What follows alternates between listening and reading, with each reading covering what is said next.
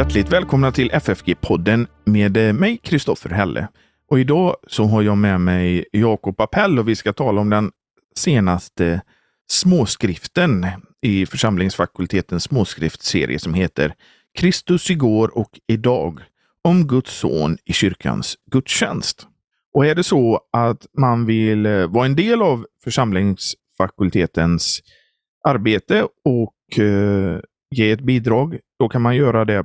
Hur då Jakob? Genom en swishgåva eller med bankgiro, banköverföring till Och, exempel.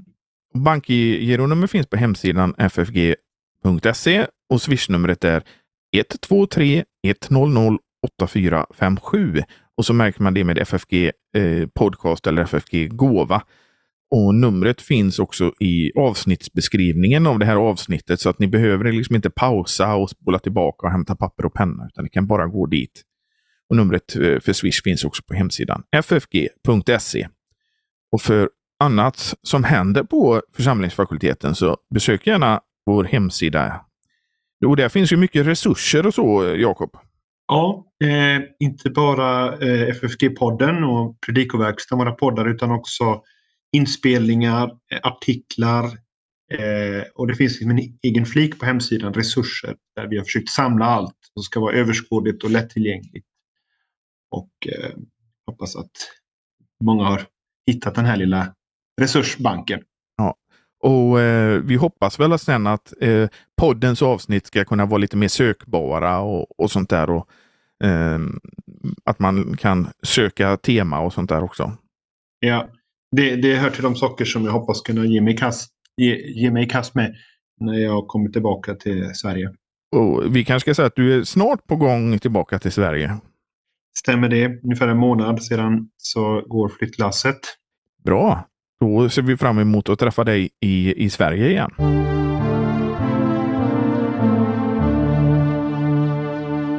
Eh, Jakob, vi ska tala om den här eh, småskriften som heter Kristus igår och idag om Guds son i eh, kyrkans gudstjänst. Hur kom den här småskriften till, till liv så att säga? Ja, det, det är egentligen för många år sedan som tankar eh, kring att pedagogiskt försöka förmedla vad gudstjänsten är och vad den gör med oss. Jag hade lite små artiklar, lite små eh, föredrag om det. Eh, jag reflekterar också över vad det betyder att jag som präst, vi säger ju vid avlösningen på Kristi befallning och på hans uppdrag tillsäger syndans förlåt. Vad är det jag förmedlar i Kristi ställe i vår gudstjänsten? Vad händer när människor hör det? Vad blir deras respons? Och så börjar jag upptäcka mer och mer att det här är ju ett slags flöde eller drama där, där Kristus talar, församlingen svarar, Kristus fördjupar något, gör något annat och så blir det en växelverkan mellan Kristi verk och, och församlingens respons som gudstjänsten ger uttryck för.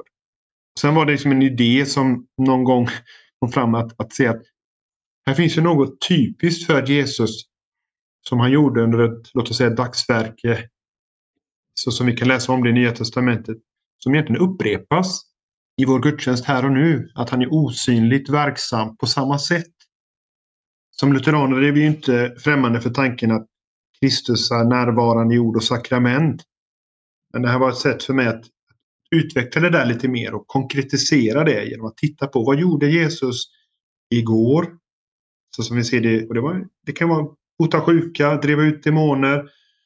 Han eh, undervisade i synagogan. Han hade små bordsgemenskaper och så vidare. Och så blev det som ett mönster för hans dagsverke igår som upprepas och fortsätter i kyrkans gudstjänst idag.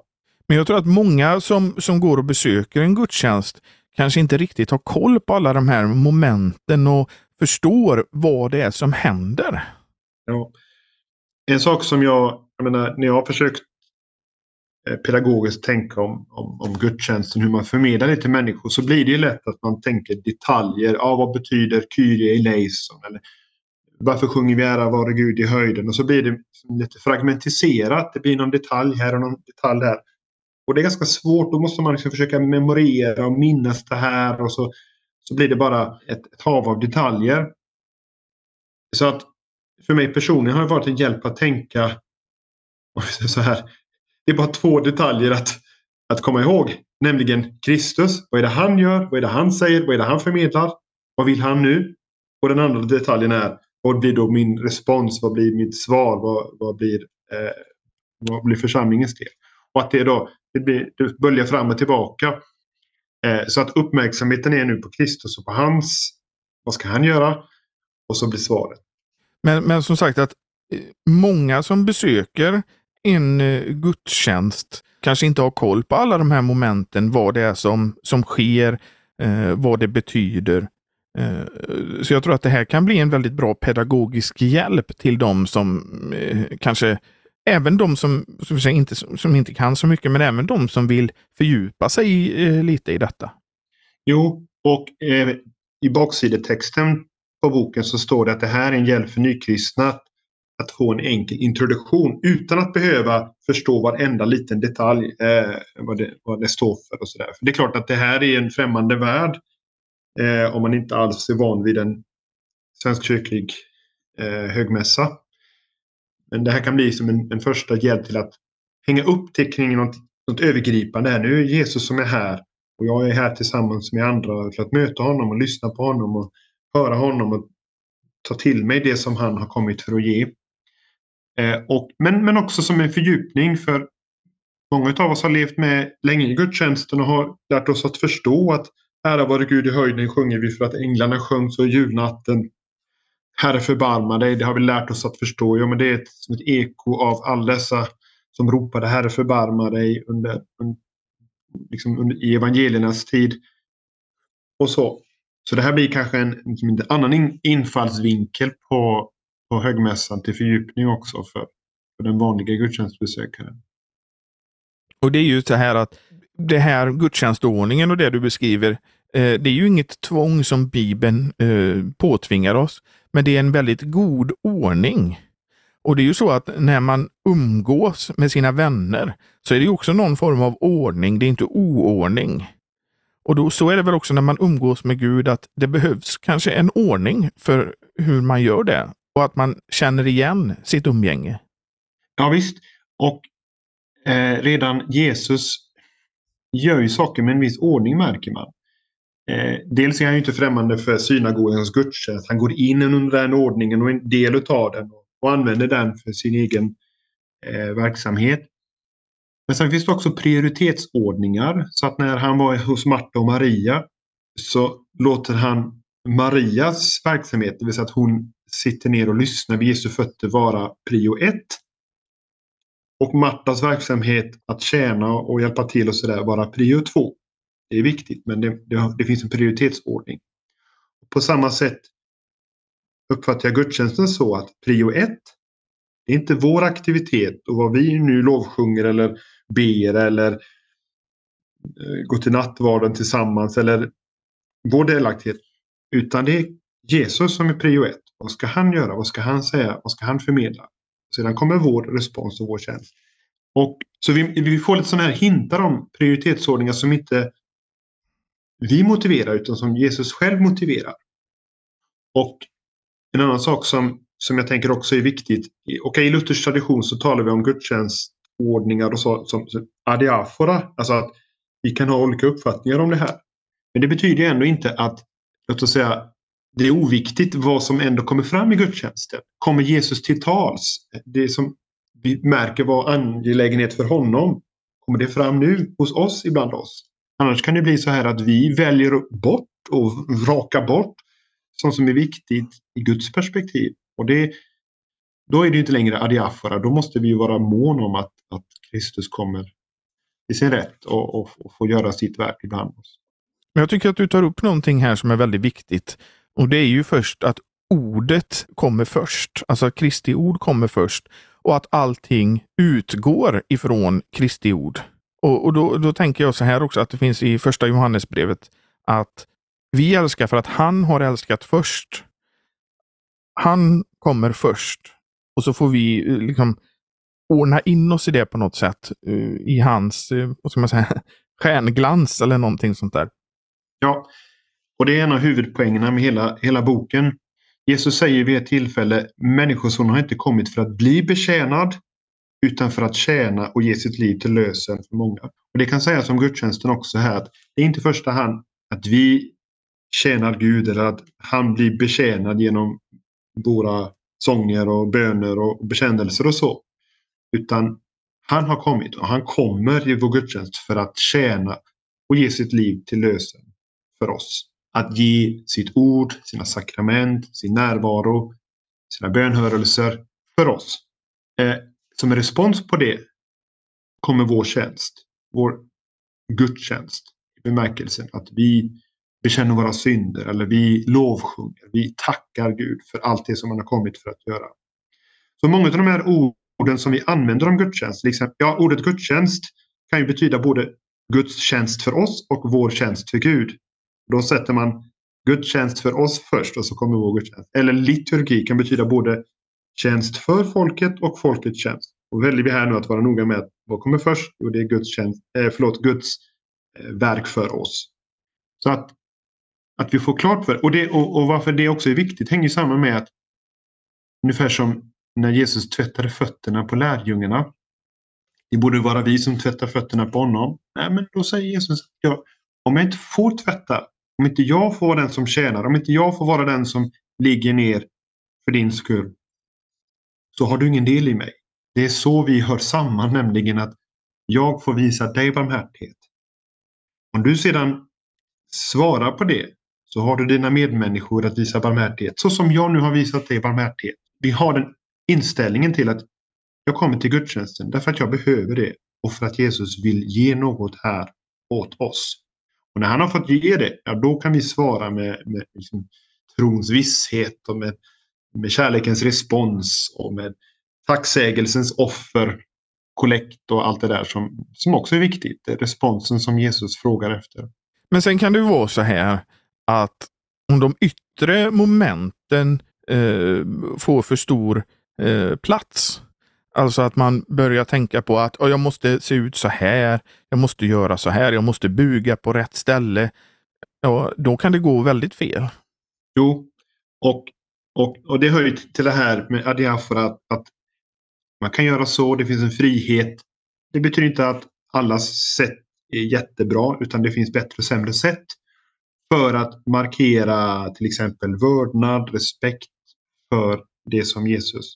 Så till exempel när den romerska officeren sa till Jesus, när Jesus kom till honom, hans respons var den rätta responsen. Herre, jag är inte värd att du kommer in under mitt tak, men säg bara ett ord så blir din tjänare frisk. Det uttrycker både hans egen ovärdighet, alltså hur kan jag, en syndig människa, ha min Herre och skapare in under vårt tak här, den gudstjänstbyggnad som vi nu har samlats i. Och det är klart att den ovärdigheten kan vi uttrycka genom att falla på knä eller falla till marken eller att böja vårt huvud. Eller, det är ju helt i sin ordning. Snarare kan det vara så här att om det är hipp som happ och man, man, man liksom, så har man kanske inte riktigt fått fatt på vem det är som kommer och vem man är såsom en, en fattig syndig människa. Så det, det, det finns ju ett yttre bruk som avspeglar en inre hållning så att säga. Men, men det kan ju så lätt plockas upp av den gamla adeln som en slags tvång eller, eller någonting som gör för syns skull eller för andras skull för att visa fromhet. Och det är inte alls det som är, som är poängen, men snarare varna Jesus för det här att göra det för att synas.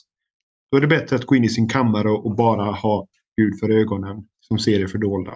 Jo, men alltså att de här yttre sakerna, om det, om det är det du måste fokusera på, att du ska göra rätt hela tiden. Och när kommer det? Jag måste göra så där och jag måste buga tillräckligt eh, djupt och jag måste göra det och det och det. Ja, det kan ju förhindra ordets verksamhet. Jo, eh, så är det. Det är klart att för varje, om man kommer ny till en församling och en gudstjänst och så märker man att det är mycket rörelse och man ska stå upp när det är textligt. Det är klart att man, man försöker fokusera på vad är det som händer i den här gudstjänsten och gemenskapen för att inte sticka ut eller, eller sådär. Det är helt i sin ordning. Men med tiden så är det viktigt att man och det, ofta är det så att när man väl har lärt sig det typiska för den här gudstjänsten så, så kan man lägga mer märke till vad som faktiskt sägs och, och, och, och det, det väsentliga i gudstjänsten gudstjänstens olika moment kan ju vara en väldigt bra pedagogisk hjälp också som, som du tar upp i, i din skrift. Ja. Det finns en mångfald och en variation och en rikedom i gudstjänsten. Vi ska ändå lägga märke till det att det enda som Jesus gjorde det var inte att undervisa i en kateder och så satt människorna där som i, i, en, i ett klassrum. Utan det, det fanns en, han var ute bland människor, han gjorde underverk, han, han kunde gå in i människors hus och äta mat med dem och, och sådär. Så det, vi, vi tar till oss och lägger vi märke till hur han är och så tar vi emot det han har kommit i, i all sin rikedom. Och istället för att tala om för honom hur det borde vara, vad vi vill ha här, så tar vi in allt som han är och gör. Och ber Gud liksom, om hjärtats mottaglighet till att ta vara på det som han gör, vad det än är. Jo, och det är ju så att blir det en total oordning så får man ju inte heller koll på ordet eller på vad som är det centrala. Nej, men jag, jag, eh, jag, jag uppskattar vår gudstjänstordning på så vis att den, den liksom liturgiska ordningen, det här med, med fram och tillbaka, med, med syndabekännelse och förlåtelse, textläsning och respons. Och sedan kommer det ändå liksom en, en, en lite längre tid, liksom avsatt tid för, för predikan där man, där man är, blir mera passiv i en bemärkelse. Men på ett sådant sätt att man lägger större vikt vid att lyssna och, och meditera och begrunda Guds ordet som ändå läggs ut och, och förmedlas. Och så ska det då, tron kommer av predikan och kommer tron så, så kommer det sedan att få ta sig uttryck i trons respons. Jag tror på Gud Fader allsmäktig eller kollekten som tas upp eller nu bär vi fram våra nära och kära och kyrka och värld i, i förbönen. Och så ställer vi också i ordning inför för nattvardsfirandet då vi får, får denna särskilda gemenskap med frälsaren i nattvardsbordet. Också som en respons på predikan. Detta önskar jag nu. Ungefär som när Jesus sa till församlingen i Laodikea. Jag står vid dörren och klappar om någon öppnar. Om någon hör min röst och öppnar så ska jag gå in till honom och hålla måltid med honom och han med mig. Du har denna ordningen där återigen att först knacka. Det, det är på något sätt ordets kallelse. Och den som hör Herrens ord och öppnar för honom han får också ta emot Jesus som värd vid nattvardsbordet. Sen får man tänka på i dagens eh, gudstjänster, om folk går med nya handböcker och så, så är det någonting som går förlorat. För tidigare så var det ju en enhet. Du kunde gå in i vilken kyrka i Sverige som helst och känna igen dig i princip. Men nu finns det så många olika alternativ och så många olika varianter och så många friheter att igenkänningsfaktorn i princip har gått förlorad. Det är faktiskt en sorg i det och det är, det är ett uttryck. En del skulle kanske uttrycka att mångfald är bra så. Men det här är ett uttryck för en teologisk mångfald. Där man vill rymma teologiska motstridiga teologiska hållningar helt enkelt. Alltså det, också det libera mest liberala ska ha sin ordning och så det mest konservativa ska ha sin ordning. Så det är ett sorgligt uttryck för den läropluralism i negativ bemärkelse som ryms i Svenska kyrkans sammanhang. Och, eh, men, men sen är det inte bara det utan varje gudstjänstbok eller handbok är ett uttryck för ska vi säga, sin tid och den teologiska och den spirituella kontext som gäller. Så jag kan ju se att svenskkyrklig högmässa så som det kanske var tidigare, flera århundraden tillbaka, som det var som bäst. Eller vissa delar åtminstone. Så att vi får, vi får också ha den här urskiljningen. Man blir ju blind lite grann för sin egen tid och tror att det är nu det är som, som bäst medan det kanske har varit. Och nu när jag lever också i en annan kontext här i USA så, så märker jag här att hur har det kunnat bli som det har blivit med vissa saker i den svenska liturgiska traditionen som inte är helt bra. Sen är det andra saker som jag kan vara tacksam för som svensk. Vi har fått också ett, ett rikt liturgiskt arv som ända in i våra dagar och i våra handböcker är ändå eh, gediget. Men en annan sak som går förlorad i, i när, igenkänningsfaktorn, det är de som, som gick och läste till exempel. Och lärde sig de här uttrycken, eh, momenten, Eh, och, och, när man kanske som vilsen kommer tillbaka och söker Gud så kände man igen kyrkan som någonting som hade stått fast. Ja, jo, det är en bra poäng. Och visst, det kommer alltid att vara ett behov av förnyelse. Språket förändras och, och vi förändras. Eh, så att det är inget konstigt i det. Men det finns ändå alltså en angelägenhet för kyrkan att vara tidlös. Att, att ha en, en inre struktur eller ett inre liv som inte förändras. Kämpa för den tro som en gång för alla har överlämnats åt de heliga, står det i Judasbrevet. Det vill säga, det är ett innehåll med sin form som en gång för alla har lämnats över. Och den måste så att säga varje generation varje tid vara mån om att behålla. Så att innehållet, tron, eh, eh kan tas emot av en ny generation. Men formerna förändras, språket förändras också.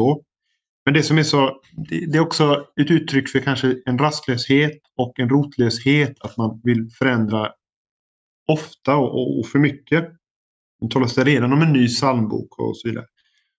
Och visst, det är inte fel med nya psalmer och förnyelse. Men om det kommer nya förändringar hela tiden så riskerar det, precis som du säger, att jag har lärt mig en psalm och så helt plötsligt ska jag lära mig på, ny, på ett nytt sätt. Eller en ny katekesutgåva eller en ny bibelöversättning. Det, det blir en man tappar något av värdet i det här att lära sig utan till. Du vet när man kommer till äldre personer så är det så oerhört värdefullt för många av dem att man, att man förmedlar sånt som de har lärt sig och som de känner igen och som de i alla tider har blivit uppbyggda utav. Komma in då med ett helt nytt språk med helt nya salmer och det, det oftast så då når man inte riktigt fram. Ja, strävan efter inkludering blir exkluderande helt enkelt. Jo, det, det ligger något i det. Och sen är det också så här att när man kan något utan till, när man kan något och det som blivit en vana, en god vana, så är ju syftet att, att Okej, okay, det finns en risk för slentrian, att det blir så invand så att man inte lägger märke till vad som sägs och så. Men den andra goda förtjänsten med att, man, att det har blivit en vana och att det har blivit invanda formuleringar så här, är att man kan begrunda eller meditera över och låta det gå på djupet. Så att exempelvis ett sådant uttryck som Herre förbarma dig, som vi sjunger i varje högmässa. Det kan ju låta jätteuttjatat. Det inbjuder till att begrunda vad, vad betyder det här? Vad betyder det för mig personligen? Och så, så speglar jag mig i alla dessa människor i evangelierna som ropade det här och så kan jag börja upptäcka den värld som Bibeln bjuder in till av människor som är i nöd och som ropar Herre förbannade. Så och framförallt att lägga märke till det är en Gud som förbarmar sig. Mm. Jesus förbarmade sig. Det står på så många ställen. Så kan jag få begrunda och betänka detta då. Att han är den Herre som förbarmar sig. Se mig i all min nöd. Hjälper mig i all min nöd. Och inte alltid så som jag önskar, men som han ändå vet är till det bästa. I eh, titeln på den här småskriften så eh, ingår det ju Kristus igår och idag. Och, och hur, hur, hur, kan vi se på det här med Kristus igår? Alltså det, det är en variant på det som står i Hebreerbrevet. Jesus Kristus är densamme igår och idag och i evighet. Och eh, min poäng med den titeln är att uppmuntra till att tänka på den Jesus som, som man läser om i, kanske i sin dagliga andakt från evangelierna. Man, man, man lär känna Jesus, vem han är och vad han har kommit för att göra genom att betrakta honom där. Och så kan ju kanske en och annan tänka, ah, tänk om jag hade varit, levt på den tiden och fått se det med egna ögon. Och så. Men det förundliga är ju att Jesus förberedde kyrkan och oss också i vår tid på sin osynliga men verkliga närvaro. Densamme Jesus idag i vår gudstjänst enligt löften och anvisningar som han gav till sina lärjungar, till församlingen. Så att jag kan liksom på punkt efter punkt lägga märke till att ja, nej men han förlåter synder precis som han förlät den lame mannen där i, i, i, i, eh, var i Kapernaum. Det gör han nu med enligt sitt löfte. Nu är han i synagogan, fast i vår synagoga, och talar genom ordet och i utläggningen. Eller vid nattvardsbordet. Han, han är som när han var hemma hos Sackeus och låg till bords med honom och, och var där för honom. Fast förstås på ett helt unikt sätt genom, att, genom löftet om att här är nu också denna föda så särskilt Kristi kropp och blod för dig utgiven utgjutet till syndernas förlåtelse. Som ju är, är, är, något alldeles särskilt med vår, med vår gudstjänsttradition. Så att då, då märker man där att men Jesus är densamme igår och idag. Och uppmuntras av, av hur Jesus är eh, och har samma hjärta. Men också, som är en viktig sak, att min respons blir så som den goda responsen. Det var inte all respons på Jesu tid som var så god. Och Jesus kunde ju många gånger han kunde gråta över Jerusalems respons på hans ankomst. Han kunde säga om de tio spetälskarna när bara en kom. Var är de nio andra? Eller i Nasaret när han när, när de kommer krav. Du är ju liksom Josefs och Marias barn. Varför botar du inte sjuka? Han var bara tvungen att lämna Nasaret. Och så när han talar om stor tro, ja, då är det de oväntade, den romerska officeren som precis sagt Herre, jag är inte värd att du kommer in under mitt tak. Vad kan vi lära oss? Det är den sanna responsen. Nu släpper vi alla våra egna föreställningar. Nu försöker vi att lära av dem som Jesus lovprisar nästan. Jag har aldrig i Israel sett en sån stor tro. Abrahams barn. Den här mannen från romarrikets utkanter. Han kommer gå först in i Guds rike. Eller den, den kananeiska kvinnan, denna outsider. Återigen, jag har aldrig sett så stor tro. Du binder mig vid mitt ord. Och du väntar nåd ifrån mig. Som om nåd var på mitt hjärta för dig, du som inte är av Israels hus. Alltså, det, det, det är helt rätt. Jag skulle önska att alla såg och förstod och responderade som du gör.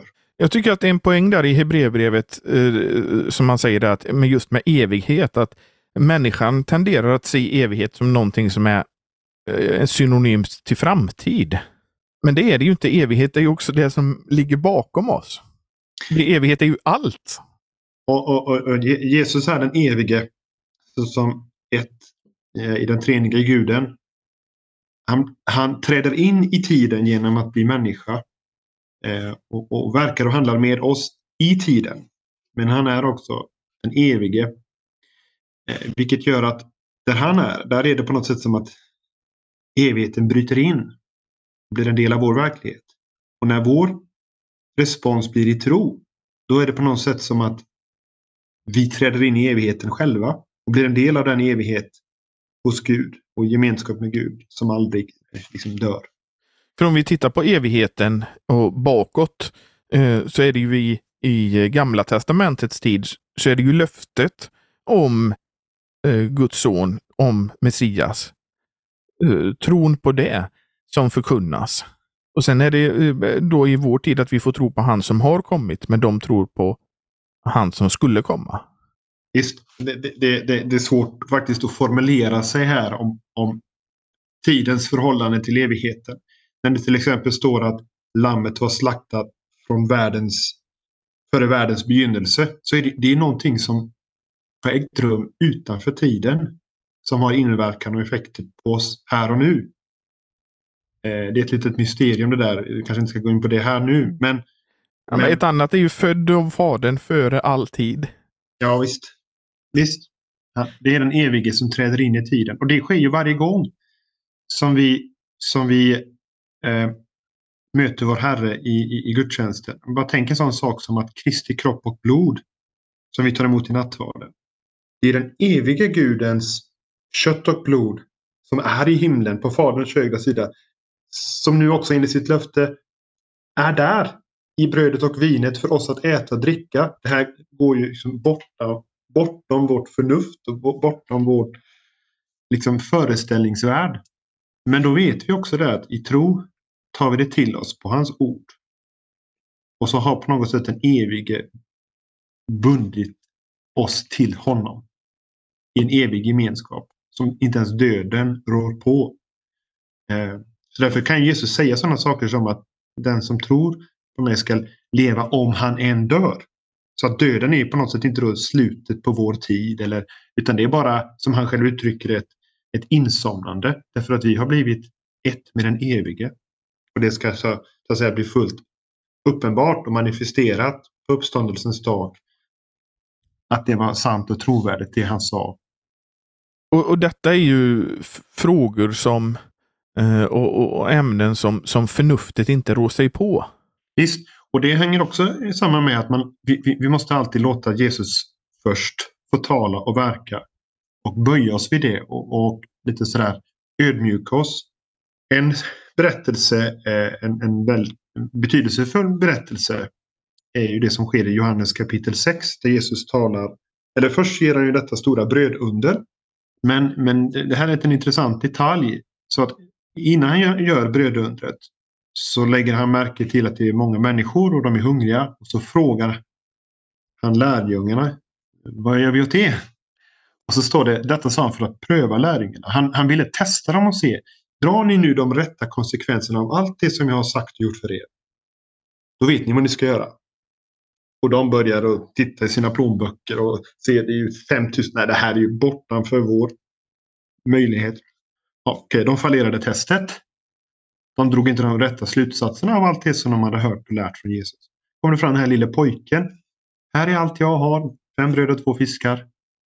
Vad gör du med det Jesus? Nu är uppmärksamheten på dig. Och så går det som det går. Ett, ett brödunder långt bortanför deras förnuft och fattningsförmåga. Det är den som är rätta inställningen. Den lille pojken klarar, han överlåter allt åt Herren och så får han göra vad han vill. Sen kommer denna långa predikan om att Jesus är livets bröd. Och så varnar han dem för att bara söka efter det här det brödiga brödet som tar slut och förgår och vi dör. Men det bröd som han är i sin person och i allt det som han förmedlar och gör så finns evigheten.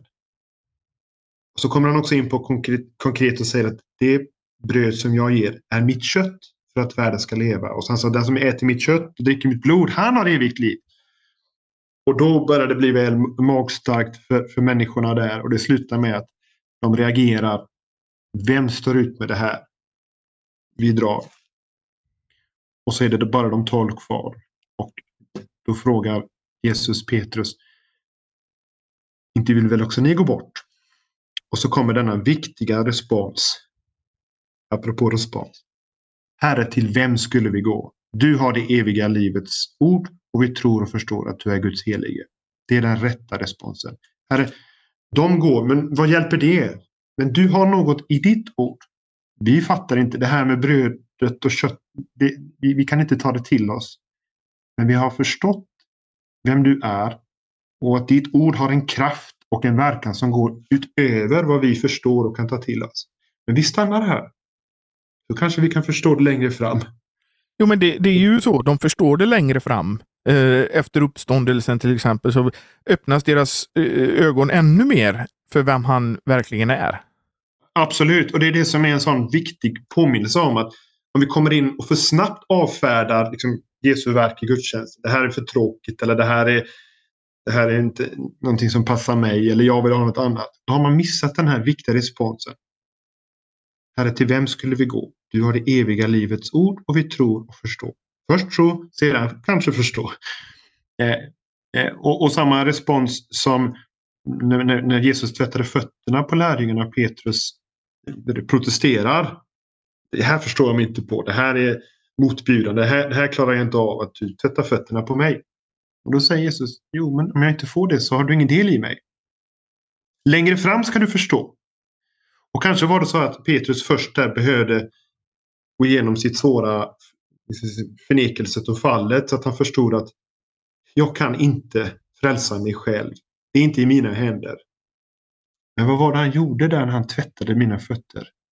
Han gav ett uttryck för den som tar hand om mig, min synd, min skam, min skuld och som dör för mig. Som är beredd att göra allt för mig för att frälsa mig och förena mig med honom för all evighet. Nu förstår jag. Jag förstod inte då. Då var jag full av mig själv och jag ska aldrig överge dig och jag, jag är trogen intill döden. Och så när jag märkte, nej det är jag inte. Då kan det gå in. Ah, han har kommit för att frälsa. Inte för att bli betjänad, utan för att tjäna. Tvätta fötter, dö och allt det som vi behöver. Eh, och som är, det, det, är en livslångt verk för den heliga Ande att göra mottagliga för det som han har kommit för att ge. Och ibland också faktiskt tala om för oss, nu förstår du inte. Men längre fram, förbida, bida där hos honom. Och det ska uppenbaras för dig. Allt du behöver veta och förstå.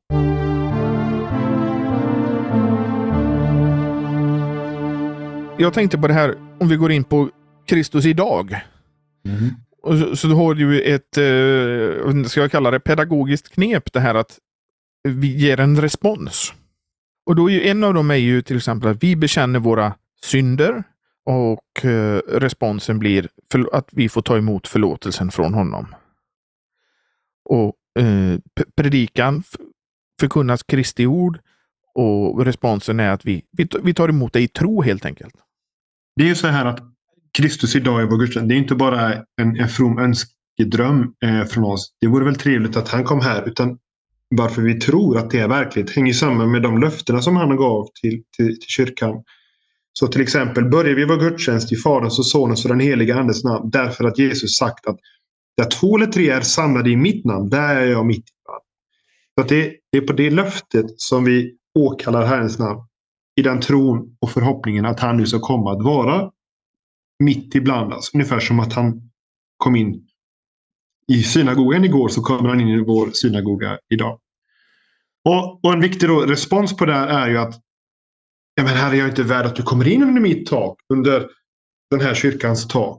För vi är, ja vilka är vi? Det blir som en meditation över vår egen ovärdighet.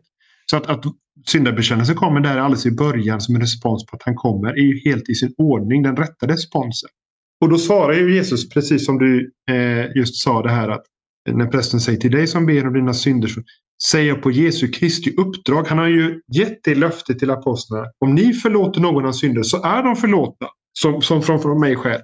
Och, och, så, och så blir det som att Jesus själv står där och förlåter våra svåra synder.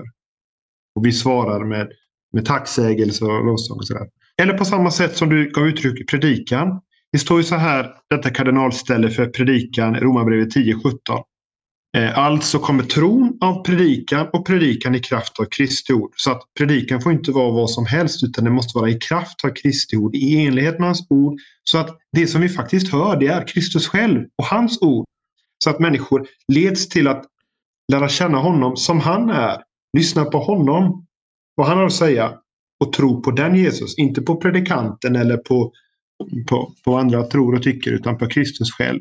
Och det, är faktiskt, det, det, här är ju lite hårt att påpeka men det kanske är så att en predikant predikar en annan Kristus som inte är den sanna Kristus.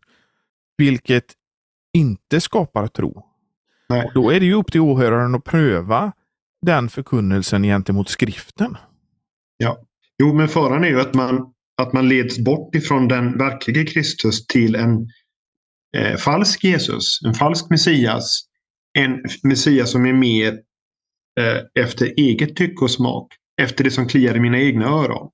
Och då slutar det ju med kanske en brödkung. Ja, här är en som, som ger mig bröd för dagen och det är väl bra.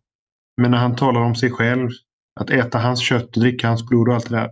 Det är då man behöver lyssna på allvar och ta det till sig så att det inte slutar med att man går bort. Och, och, så, och så står han där ensam. Så att det där är, det är viktigt liksom, lackmustest. Är det i kraft av Kristi ord? Är Kristus predikad? Så att en människa kan tro och förhålla sig till honom och följa honom.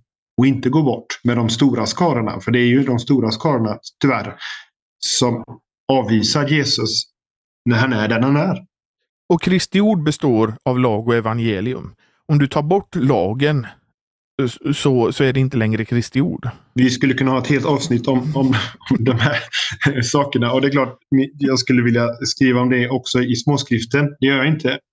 Men, men det kan man också ju upptäcka hur Jesus handlar med människor. Att han kan vara oerhört skarp mot fariseerna och de skriftlärda.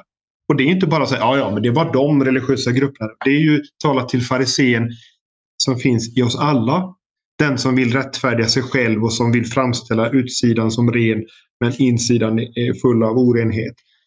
De, kom, de talar Jesus också till, till oss. Och det måste vi säga att i det lutherska så är det just de här som finns där inne. Där är det centrala. Det är där vi behöver Jesus. Ja. Och det är ju signifikant för det lutherska.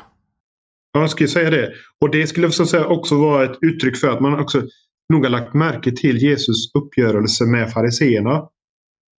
Det är mycket vi kan lära oss av det där. Det är, det är skarpa ord som ofta handlar om att komma på insidan. Det är det som kommer inifrån som gör, som gör en människa oren. Inte i första hand yttre bruk. Har du tvättat tänderna etc. Har du gjort bugat enligt alla konstens... Nej, det är inte det. Det är hjärtat det kommer an på. Och, och, och, och Jesus söker hjärtat och han söker hjärtats tro. Eh, och, och, får ju många gånger med under tårar konstatera här att där är inte människor villiga att följa. Då går man hellre bort. Den rike mannen, när hans hjärta avslöjades som, som fullt av penningbegär så gick han bort bedrövad. Det är inte den typen av Jesus jag vill ha. Så det finns en smärta och det finns en, ett, ett, ett svärd här som vi inte kommer runt om vi ska vara trogna Kristi ord och förmena det. Och Sen är det ju så att om man inte förkunnar lagen så är det ju så att människan känner inte, för det finns ju en naturlig lag i människors hjärtan som känner vad, vad rätt och fel är. Om man bara säger att allting är okej okay hela tiden, att det inte finns någon lag och Jesus blir någon moralisk förebild för att vara snäll, ja, då, då, då, då, blir det någonting fel i hjärtat för det blir fariseism för man känner att i hjärtat är det någonting som inte stämmer. Ja. Romarbrevet 7 till exempel. Det goda jag vill göra, det gör jag inte, men det onda som jag inte vill, det gör jag. Mm. Och det, det, ska nog uttrycka så här att ju närmare Jesus kommer en människa, desto mer bränner det till på insidan.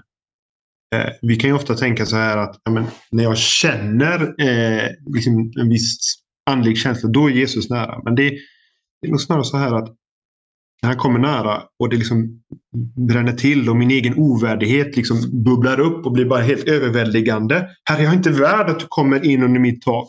Då är han så nära. Men det som gör den stora skillnaden, för jag menar ovärdighetskänslan är inte ett, ett självändamål. Utan när jag, trots min egen ovärdighet som blir så överväldigande i, i, i liksom detta enorma ljus. Han är Gud själv men på ett ord, Herre, på det ord som du själv har kastat ut här, ett löftesord om förlåtelse. På det ordet, kom in under mitt tak. Var nära mig. Ge enligt ditt löfte och din nåd. Och då sägs det här är precis den tro jag kommit för att söka. Men, kan han också säga, när jag kommer tillbaka, var ska människosonen finna tro på jorden? Så att tron uttrycker sig här i detta liksom, responsen på lag och evangelium när den tränger igenom är å ena sidan, här är jag inte värd, jag, jag, jag backar, jag, jag, jag kan inte stå ut med din närvaro. Och så samtidigt, men på ditt ord Herre, på ditt löfte. Du är nådig och du har dött i mitt ställe. Där, där, där har du liksom trons eh, kärna. Men det är också så här om vi pratar om inkludering, om man i, i, i nyare handböcker försöker vara inkluderande och så. Och så säger man att Jesus är en bra förebild och, och, och hela det här.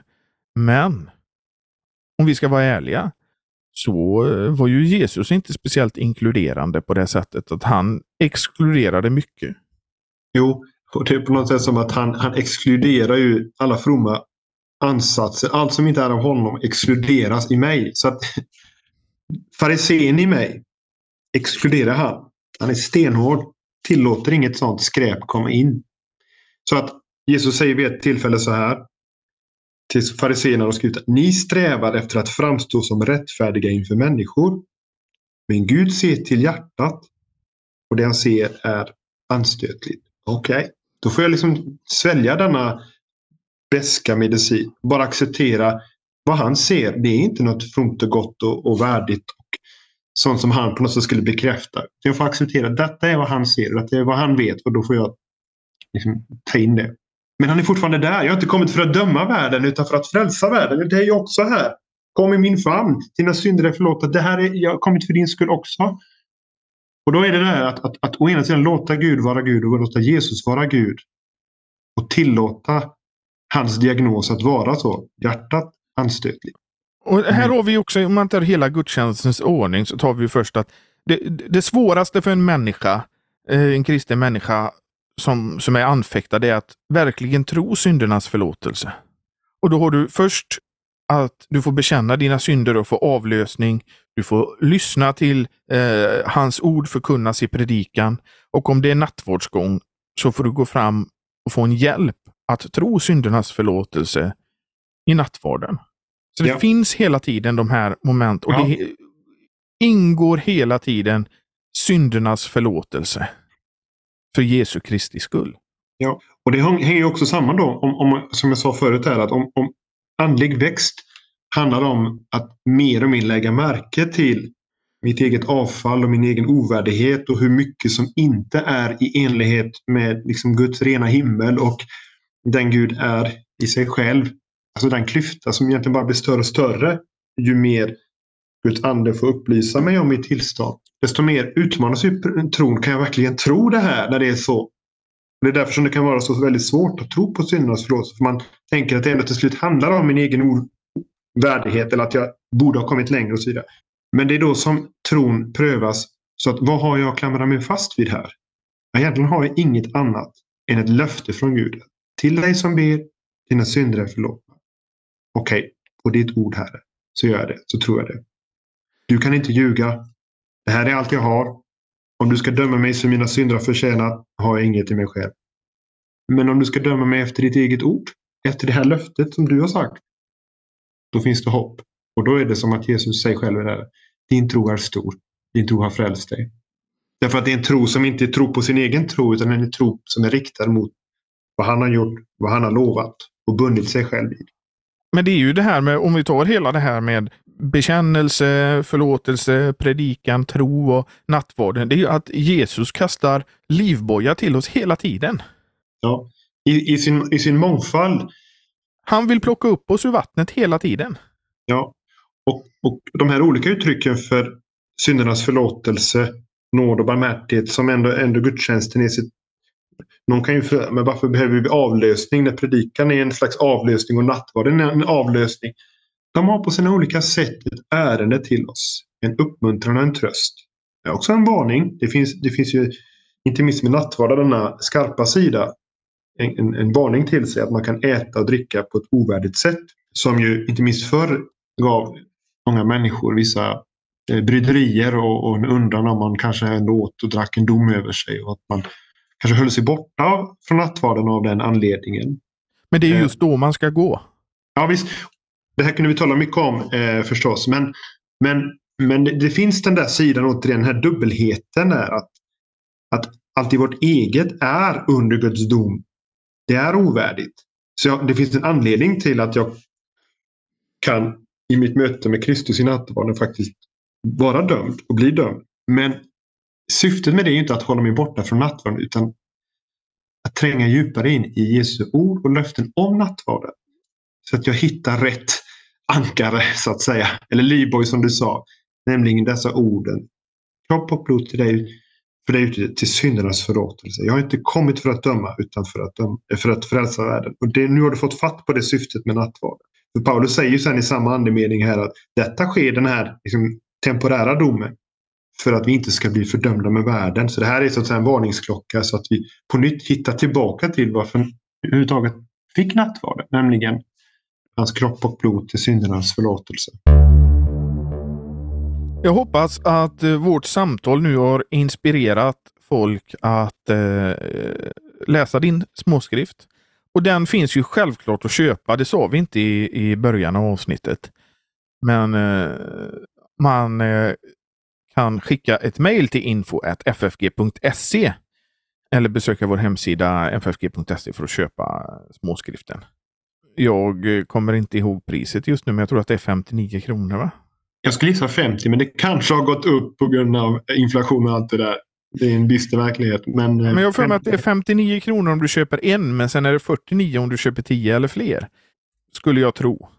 Ja, på Eh, hemsidan står det 50 eh, och om det inte längre gäller eh, vågar jag inte vara ut, vågar jag inte säga. Men eh, det, det, det är säkert det som gäller. Jag vet att jag har fått instruktioner av Marie om detta, men eh, aha. jag hittar inte dem för tillfället. Förlåt Marie!